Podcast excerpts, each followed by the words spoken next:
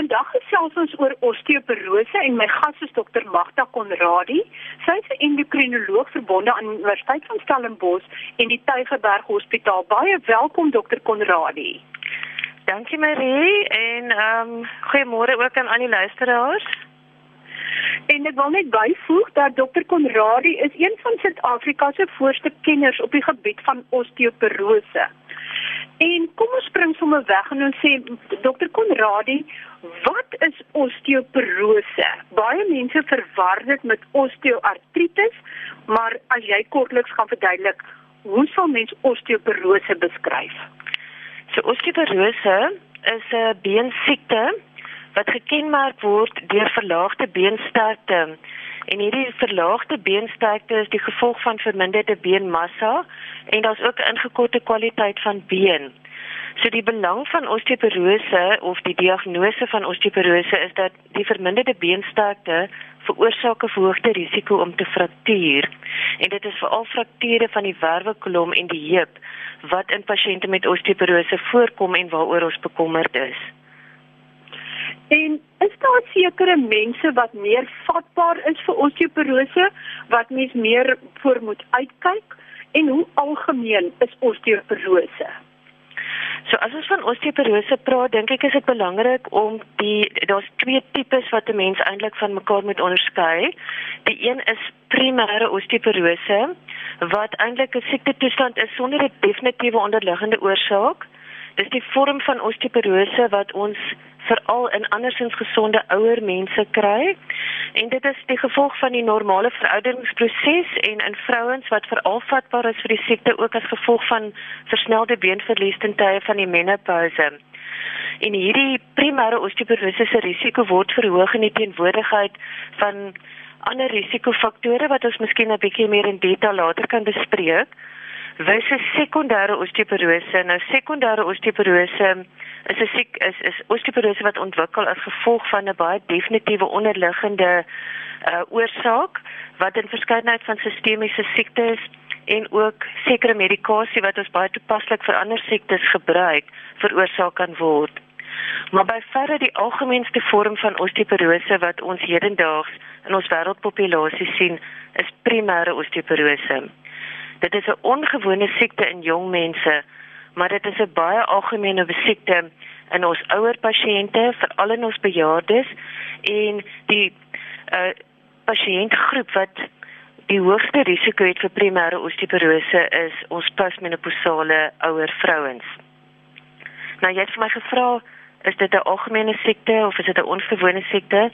Soos ek sê in die bejaardes of in jou ouer pasiënte is dit 'n algemene siekte en net om so 'n idee te gee hoe algemeen Ehm um, dit word gesê deur van die groot organisasies wêreldwyd dat 1 in 3 vroue oor die ouderdom van 50 jaar en 1 in 5 mans oor die ouderdom van 50 jaar in hulle lewenstyd 'n osteoporose fraktuur gaan uh opdoen. En reeds in 2016 het die statistieke gewys dat tot 1.6 miljoen heupfrakture wêreldwyd voorkom en dit is die direkte gevolg van osteoporose. So algemene bekommerenswaardige siekte in ons ouer populasie en die voorkoms van hierdie siekte is aan die toeneem as gevolg van die feit dat ons uh, wêreldpopulasie ook verouder. Goed, kom ons kyk dan na die fisiologie van hoekom jou beendigtheid minder word. Ek bedoel, ja. bou dit op tot 'n sekere ouderdom dat dit 'n sekere piek bereik en dan begin dit weer af te neem. Kan jy ons miskien daai proses vir ons beskryf, die fisiologie van beendigtheid? Verseker. So wat gebeur is in ons kinderjare terwyl ons groei, is daar 'n netto aanwas van been.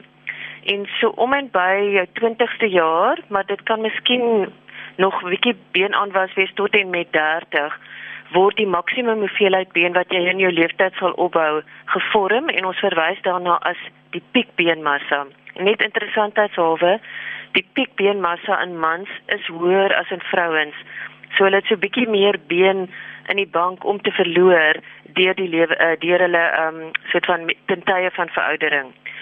Nou na die uh uh um nadat hulle piek beenmassa bereik het of nadat ons dit bereik het in ons midvolwasse lewe en ek verwys so na die ouderdomsgroep 20 tot 50 jaar word in 'n andersins normale persoon word daai piek beenmassa gehandhaaf. So dis 'n baie stabiele periode in terme van beengesondheid. In die afwesigheid natuurlik van eksterne faktore wat dit kan beïnvloed. Nou in jou vroulike pasiënt ten tye van die menopouse is daar skielike vermindering in die vroulike hormoon estrogen in sirkulasie. En estrogen is 'n baie belangrike beskermer van been. En in daai periode weet ons is daar verhoogde beenverlies in vrouens en dit is die gevolg van verhoogde beenafbraak in die afwesigheid van estrogen. So daar's 'n normale fisiologiese verlies van been ten tye van die menopouse en dan in beide dit is natuurlik afwesig in mans. En dan in beide geslagte met veroudering neem die effektiwiteit van beenformasie af so daar is 'n verwagte geleidelike afname in beenmassa met veroudering. So wanneer 'n mens dink in terme van 'n beenmassa in 'n individu op enige gegee oomblik in tyd is dit die hoeveelheid piekbeenmassa wat jy bereik het en die hoeveelheid been wat seerderdien verlore gegaan het En jy sal verstaan as mens dink aan norm, normale fisiologie, hoekom dit dan 'n siekte toestand is wat ons veral sien in ons ouer pasiënte en mees algemeen in ons ouer postmenopausale vroue. As jy deur 'n jong mens se been sny, sê maar 'n lengtesnit maak en jy sny deur iemand se been wat osteoporose het, kan jy sien dat die matriks digter is en dat hy dan groter gate het as jy ouer is, kan mens dit sien.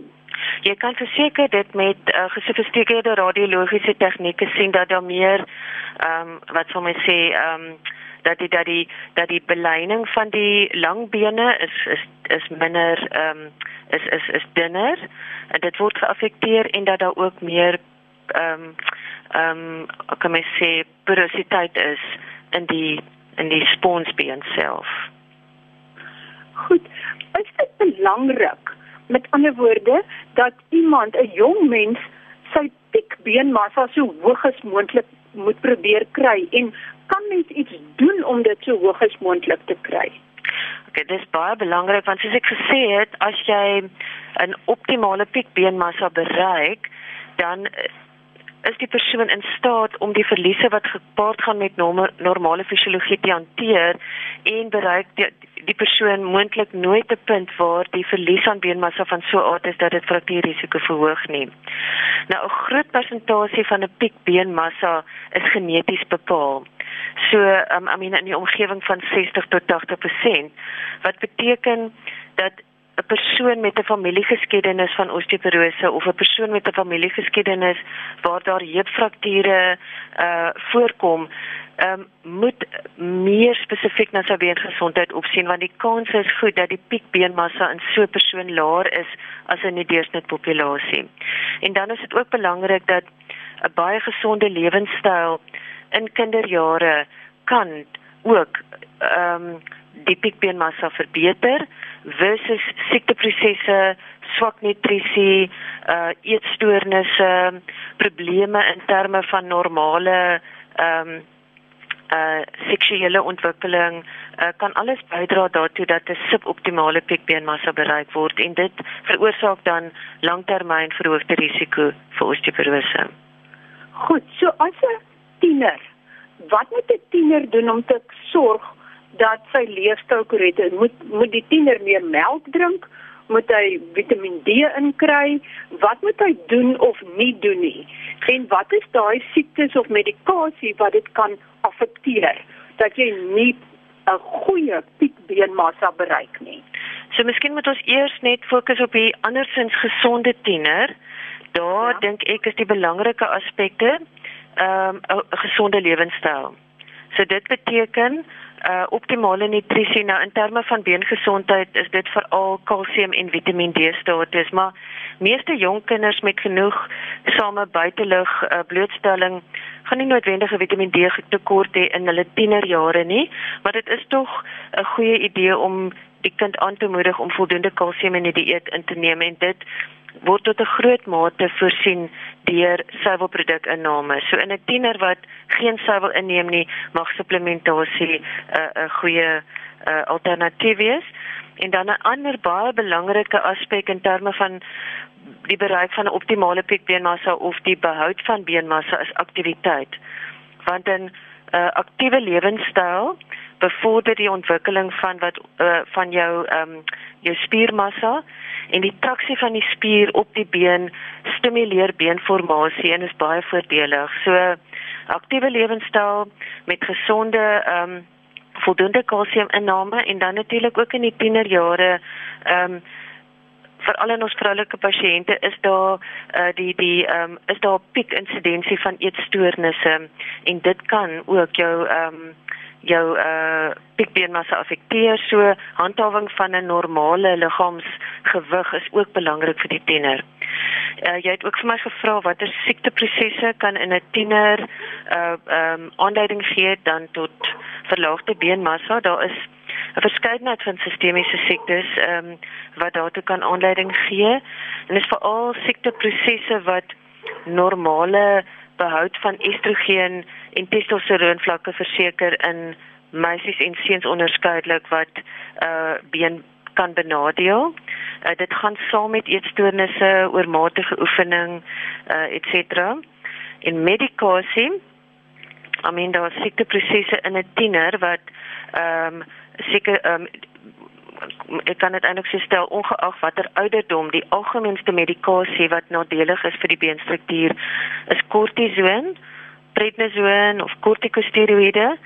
Dit is middels wat ons gebruik vir hulle anti-inflammatoriese effek en dit word gebruik vir 'n verskeidenheid van stelselsiektes onder andere byvoorbeeld asma ook in kinders ehm um, van jou reumatologiese toestande en ons weet dat kortison indien dit lanktermyn gebruik word in redelike doserings ehm um, 'n betekenisvolle impak kan hê op beengesondheid.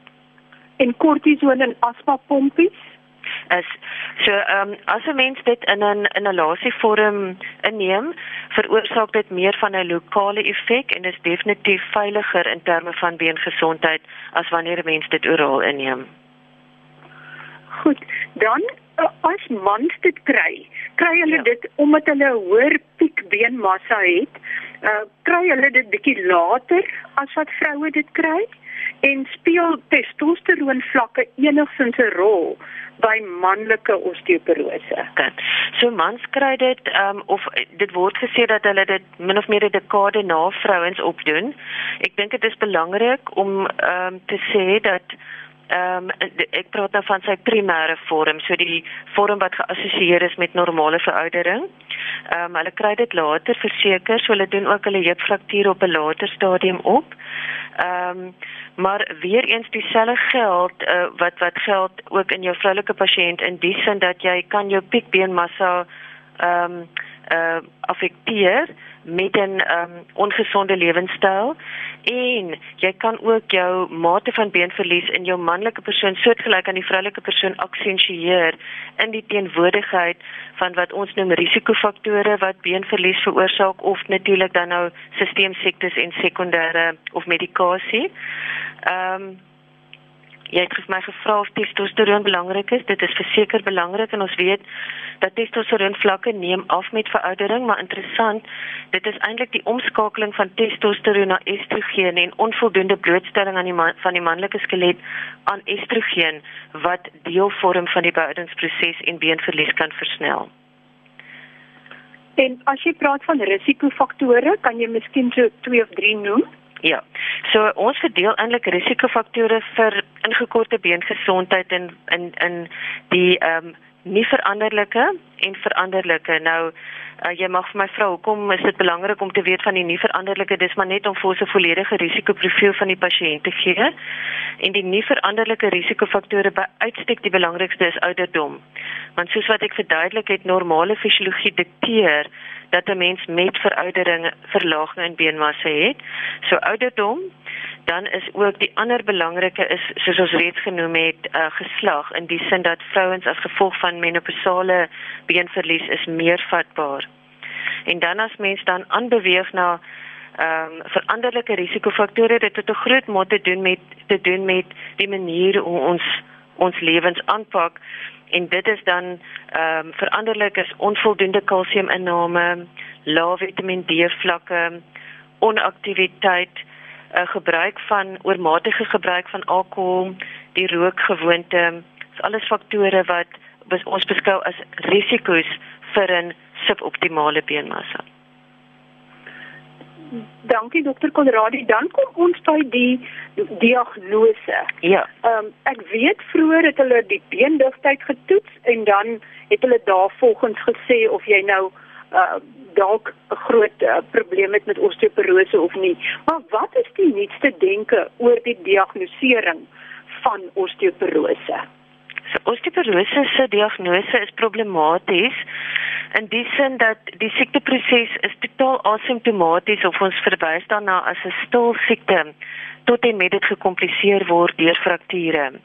So ongelukkig diagnoseer ons baie van ons pasiënte met osteoporose nog hedendaags eers wanneer hulle presenteer met hulle wervel of heupfraktuur. So dis die een diagnostiese kriterium en net belangrik daar is dat As 'n pasiënt by jou presenteer met 'n heupfraktuur na minimale trauma of met 'n wervelfraktuur, dit is voldoende om 'n diagnose van osteoporose te maak, ongeag die enige ander toetse wat wat ehm um, gedoen word. So aanduidend daarvan dat jy 'n onderliggende siekte het. Jy het verwys na ons beendigtheidstoetsing.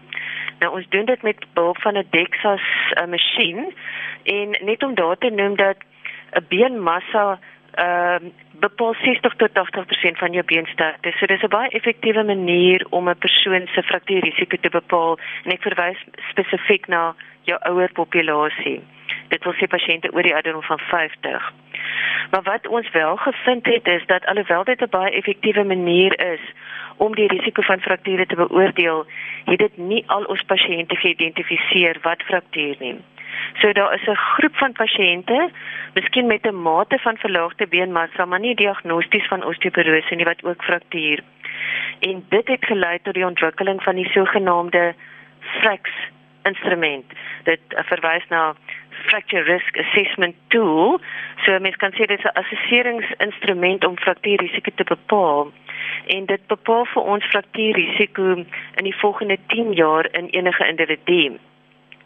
En wat dit basies op neerkom is dat hierdie model inkorporeer nie alleen beenmineraaldigtheid nie, maar dit kyk ook na die pasiënt se spesifiek uh, die spesifieke populasie, etnisiteit, dit kyk na die lyk kyk na die fisiese aspekte, dit wil sê gewig en lengte, uh, die geslag van die pasiënt en dit inkorporeer ook 'n verskeidenheid van risikofaktore wat ons reeds genoem het en onderliggende siekteprosesse.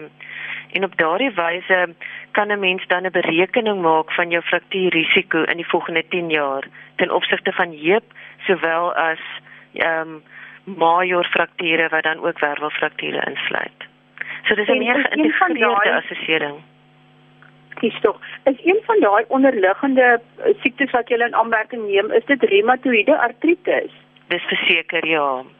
So reumatoïede so, artritis word Ekskuus toe. So iemand wat reumatoïede artritis het, het ook 'n verhoogde risiko om uh, uh, osteoporose te ontwikkel. Ja, so reumatoïede artritis is een van die algemeener sistemiese siektes wat ons sien geassosieer met osteoporose. En wat dit verder kompliseer is, reumatoïede artritis is wat ons noem 'n inflammatoriese gewrigsiekte. En een van die behandelingsmodaliteite wat ons baie algemeen in die konteks van reumatoïede artritis gebruik, is kortison. So nie alleen het jy 'n siekteproses wat beenverlies of wat verswakte been sterkte teweegbring nie, maar jy kompliseer dit deur jou behandelingsmodaliteit. So verseker reumatoïde artritis is 'n belangrike risikofaktor saam met die gebruik van glikokortikoïde. Dokter Konradi, dan kom ons by die behandeling. Ja. van ja. iemand met osteoporose. Ek was onlangs by 'n apteker toe sê hy, daar's baie minder in die ou dae die mense kalsiebon en osteobon en weet nie wat alles gaan ja. neem nie, maar dit is tog asof daar minder van hierdie middels voorgeskryf word. As dit dan minder is, wat is dit dan wat kan help? Die terapie wat kan help? Dit is eintlik bekommerenswaardig as mens so iets hoor want die uh, voorkoms van osteoporose neem definitief toe en nie af nie. Maar as mens nou ehm, 'n um, pasiënt benader met osteoporose Nommer 1 dink ek is daar jy weet daar's verskillende aspekte wat 'n mens moet aanspreek en ek verdeel dit gewoonlik om te sê daar's 'n sekere uh ondersteunende behandelingsaspekte en dan is daar beenspesifieke behandeling.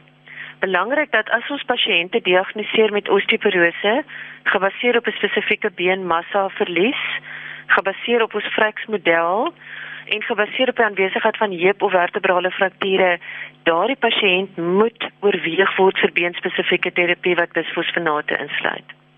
Maar terselfdertyd moet ons ook verseker dat die pasiënt se lewenstyl geoptimaliseer word in terme van kalsium en Vitamiin D uh, status. Ons moedig aktiewe aktiewe en aktiewe lewenstyl aan. Ons spreek soort van risikofaktore aan waar dit moontlik is. Ehm um, en verder ook dan nou in die sekondêre vorms natuurlik kyk ons na die sisteem siekte en maak seker dit word optimaal aangespreek. Ons probeer om medikasie wat been affekteer tot die minimum te beperk. En ehm um, boonbehalwe beenspesifieke terapie om die been uh massa ehm um, te verbeter en been sterkte te optimaliseer is dit ook belangrik om te onthou dit is 'n siekte toestand wat ons veral in ons ouer populasie sien. En ons uh, pasiënte uh ontwikkel komplikasies in terme van heupfrakture net as hulle val. So net so belangrik soos om die soort van beengesondheid vir sy aan te spreek is dit belangrik om die valrisiko in pasiënte te identifiseer en om dit tot die minimum te beperk. Ou mense moenie val nie. Dit is absoluut so. Dit is nie altyd so maklik nie, maar ons kan ten minste probeer om dit tot die minimum te beperk. Dan die rol van die intraveneuse uitklasta. Is dit uh, is dit 'n goeie middel? Help dit julle baie? Of of hoe werk dit? 'n Cluster uh, vorm deel van die groep middels wat ons nou verwys as die sogenaamde bisfosfonate. En dit is die beenspesifieke behandeling wat al vir die langste periode van tyd gebruik word. Dit is 'n groep middels wat effektief is ten opsigte van stabilisering van die beenstruktuur en vermindering van fraktuurrisiko. En dit is verseker uh in die regte uh, pasiënt ehm um, uh indikasie is dit vir ons baie baie bruikbaar. Nou hierdie bisfosfonaatgroep kom in tabletvorm en dit kom ook in 'n intraveneuse vorm en jy het nou vir my spesifiek gevra oor die gebruik van 'n cluster wat die intraveneuse vorm van bisfosfonate is. Nou 'n cluster uh, is 'n baie potente bisfosfonaat, 'n baie potente beenbeskermer en ons reserveer die gebruik van hierdie middel vir al vir die pasiënt waar ons 'n baie hoë risiko pasiënt het. So dis 'n pasiënt wat reeds herhaal het gefraktuur het uh, 'n pasiënt wat ons onmiddellike beenbeskerming wil verseker. Uh, ons gebruik dit in die pasiënt wat nie die orale tablette tolereer nie en dit is baie definitief in my opinie die eerste behandelingsmodaliteit om te oorweeg en wat eintlik in alle pasiënte oorweeg moet word wat voordoen met 'n heupfraktuur. En kan jy jou indink is al baie mense ouer as 90 wat nie 'n mate van osteoporose het nie. Dit is eintlik 'n baie klein persentasie. So ek dink, ehm, um, jy weet die aanbeveling is eintlik omdat dit so stil siekte is totdat hy gekompliseer word deur frakture dat dit amper belangriker is om voorkomend op te tree as om te probeer om die fraktuur te hanteer wat 'n redelik betekenisvolle veral met die frakture mortaliteit en morbiditeit inhou in terme van jy weet van in terme van funksionering. So die aanbeveling is eintlik wêreldwyd dat in enige vroulike persoon oor die ouderdom van 65 jaar behoort 'n assessering gedoen te word van been ehm um, massa en in mans oor die ouderdom van 75 jaar. So ek dink 'n mens kan dan nodige behandeling kry. Ja, en dan I mean afhangende van die bevinding op die beenmassa studie om te besluit of 'n mens net ondersteunend moet optree en of 'n mens alreeds op daai stadium die nodigheid sien van beenspesifieke terapie. Dokter Konradi, tyd is besig om ons in te haal, maar kan jy dalk kortliks vir ons 'n finale boodskap gee wat die luisteraar moet onthou en iets spesifiek ook oor voor voorkoming van ja. osteoporose. So my boodskap vir die luisteraars is maar om jy weet om beengesondheid te verseker is 'n gesonde lewenstyl van jongs af nodig. En van 'n beenoogpunt af beteken dit 'n gesonde dieet met voldoende kalsium en Vitamiin D, om te poog om 'n normale liggaamsgewig te handhaaf om 'n aktiewe lewenstyl te volg en hier is gewigdraande oefening natuurlik die eerste prys, maar enige vorm van oefening is beter as niks en om sover as moontlik toksine wat vir die been kan uh, affekteer te vermy. Ehm um, en dit I mean daai voorkomende maatreëls moet intree van jongs af al, maar om te onthou dat osteoporose is 'n siekte wat veral ons ouer pasiëntpopulasie affekteer en dat 'n mens bedag is op risiko of op aspekte wat 'n mens se eie risiko daarvoor verhoog uh om te om om ten alle koste val risiko te beperk en om eh, jy weet jou beengesondheid met jou algemene praktisyn te bespreek. En wat interessant is, jy weet hierdie hierdie fraktuur ehm um, assesseringsinstrument is eintlik vrylik beskikbaar op die internet en dit mag interessant wees vir van die luisteraars om daarna te gaan kyk en jy kan eintlik jou eie soort van 10 jaar fraktuurrisiko evalueer en dit met jou algemene praktisyn bespreek en besluit of dit aangedui is om dit verder te ondersoek al dan nie. Baie baie dankie Dr. Magda Konradi. Ek sal daai fraks uh, uh diagnose ja. tabel sal ek op die internet plaas by die storie oor osteoporose en ek sê dan baie dankie aan Dr. Magda Konradi, sy is 'n endokrinoloog verbonde aan Universiteit van Stellenbosch en die Tygerberg Hospitaal.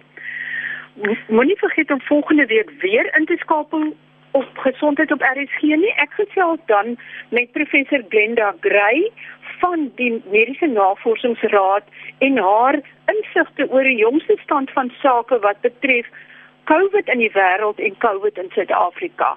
Tot volgende week dan. Groete van my, Marie Hudson.